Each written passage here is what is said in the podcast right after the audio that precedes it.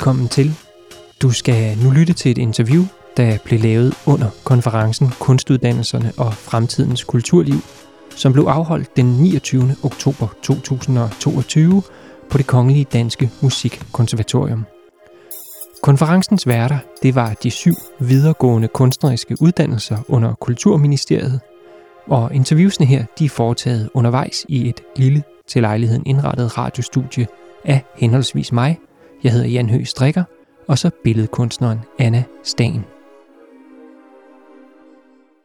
Hvis øhm, du vil præsentere dig selv og hvad I har talt om i dag i panelet. Jamen, øh, jeg hedder Kim Boskov. Jeg er adjunkt på Rytmisk Musikkonservatorium, hvor jeg underviser og forsker i musikpædagogik. Øhm, ja, og jeg var med i, i det her panel, som skulle tale om kunstnerisk medborgerskab og kunstnerisk entreprenørskab. Øhm, og noget af det, som vi talte om i starten, var, at, øh, at det er øh, nogle svære øh, begreber at definere, og øh, nogle begreber, som øh, er kommet ind i, øh, i vores øh, kunstskoler, og som er blevet nogle, øh, nogle øh, buzzwords måske, som vi er, er gode til at bruge, men som vi måske har meget forskellige forståelser af, hvad det egentlig indebærer. Øhm, så det var ligesom en, en, en central pointe.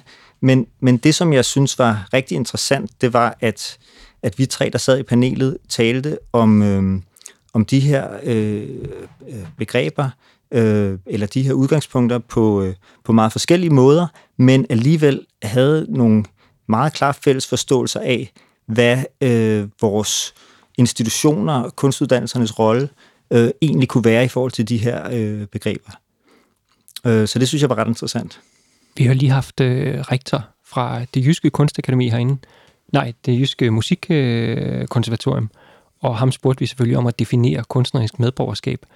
Og måske vi alligevel kunne gøre og spørge dig om det samme, og så havde man ligesom den form for sammenligning for at se, hvorvidt det egentlig spænder. Ja, ja det synes jeg er en god idé.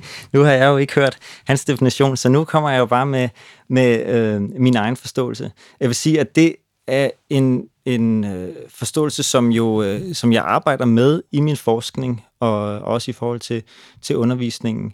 Øh, og som, øh, som jeg også anser for at være under udvikling hos mig selv. Så, så jeg vil ikke øh, sige, at det her er øh, autoritativt på nogen måde.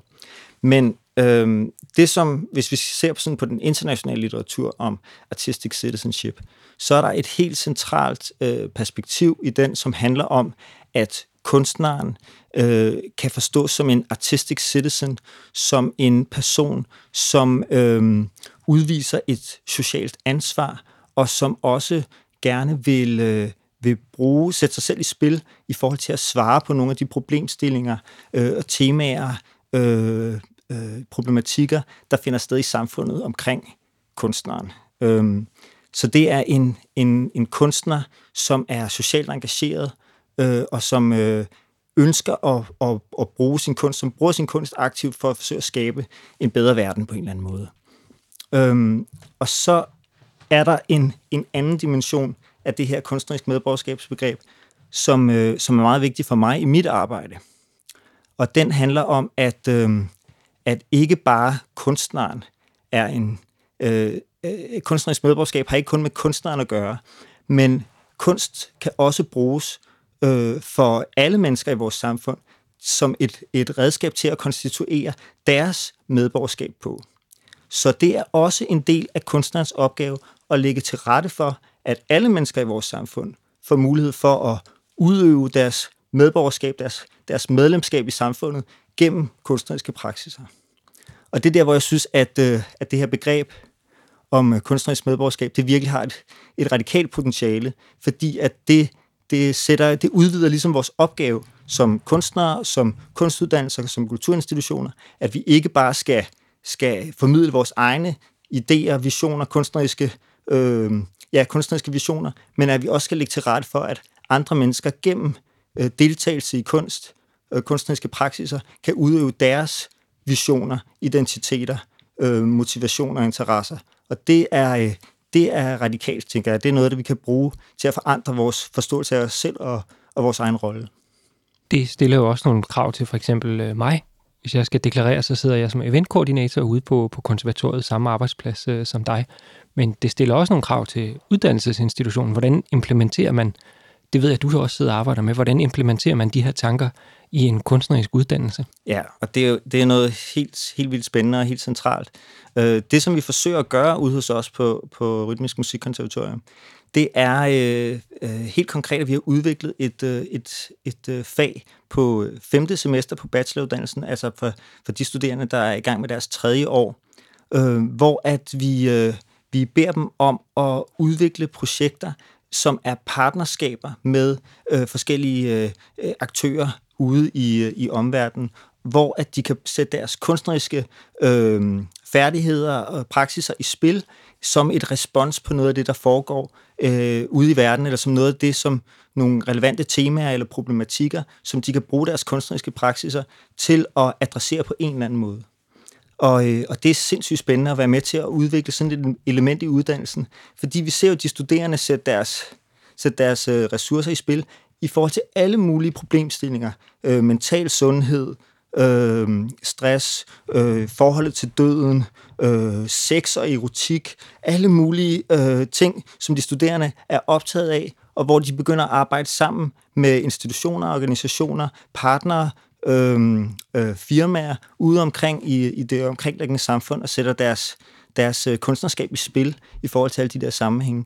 Og det kommer der nogle rigtig spændende projekter ud af.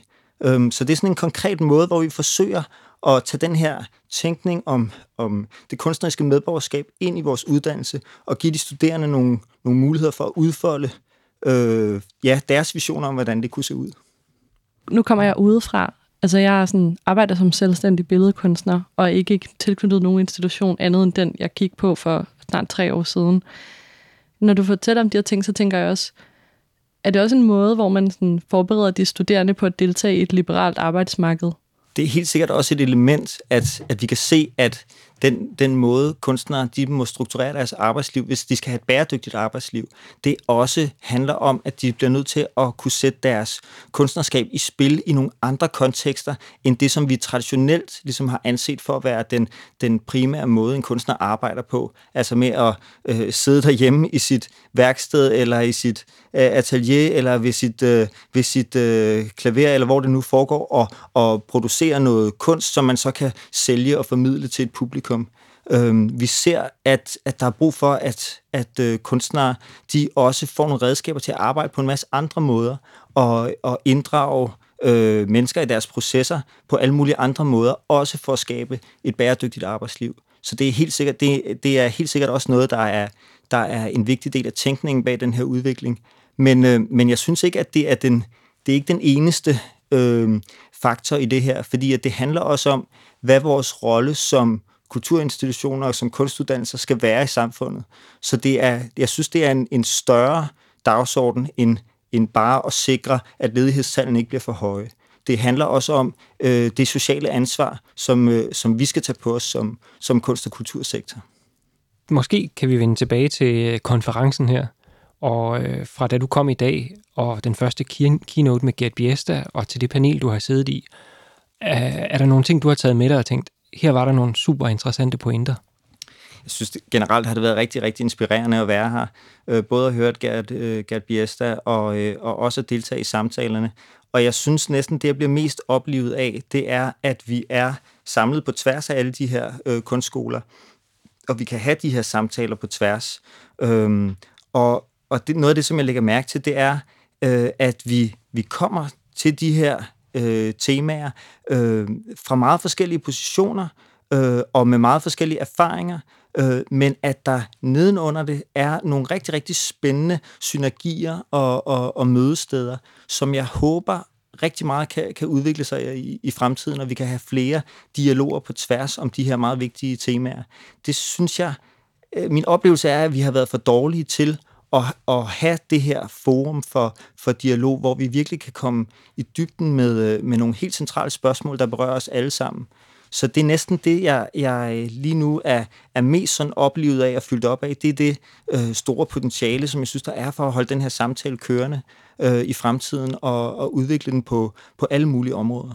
Hvis man skal se på, hvad det ideelle sådan efterliv efter en uddannelse for en studerende, hvis det lykkedes institutionen i samarbejde med den studerende at implementere det her kunstneriske medborgerskab? Hvordan vil sådan et arbejdsliv så se ud? Hvad kan være, hvad, sådan, hvad, hvad vil en succes eller et mål, mål være? Jamen, jeg tror i virkeligheden, at det kan se ud på mange, mange, mange forskellige måder, og det er næsten det, der er det mest, øh, altså det største potentiale i at, at arbejde med det begreb. Øh, det er, at det er en udvidelse af øh, vores forståelse af kunstnerskabet og det potentiale, der ligger i kunst og kunstneriske praksiser. Øhm, fordi at vi kan forestille os øh, netop, at, at kunstneren ikke bare arbejder på én måde, øh, eller arbejder med, med et udtryk, øh, eller i en institution, men at kunstneren kan bevæge sig mellem forskellige øh, institutioner og blive en del af forskellige institutioner i en periode, og derefter rykke videre til noget andet. Øhm, og det kan jo godt lyde som sådan et nomadeliv, øhm, som selvfølgelig øh, også rummer en masse farer, øhm, og, og det skal man også være opmærksom på. Men samtidig så synes jeg, at, at det er potentialet i det, øh, er det her brede kunstnerskab, altså at vi kan øh, vi kan øh, se vores, vores studerende, vores dimittenter, som nogen, der kan indgå i mange forskellige sammenhænge, og har forståelse for det, og indgå i mange forskellige sammenhænge. Det håber jeg, at øh, øh det er ligesom det, jeg ser som, som succesen. Let's end on a high note og sige uh, tusind tak, Kim, fordi du gad at komme forbi vores lille studie. Tusind tak. Velbekomme.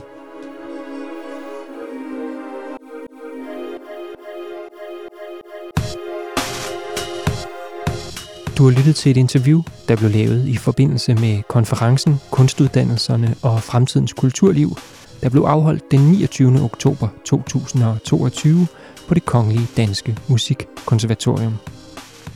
Du kan høre mange flere interviews og optagelser af panelsamtalerne fra konferencen i de øvrige episoder af den her podcast.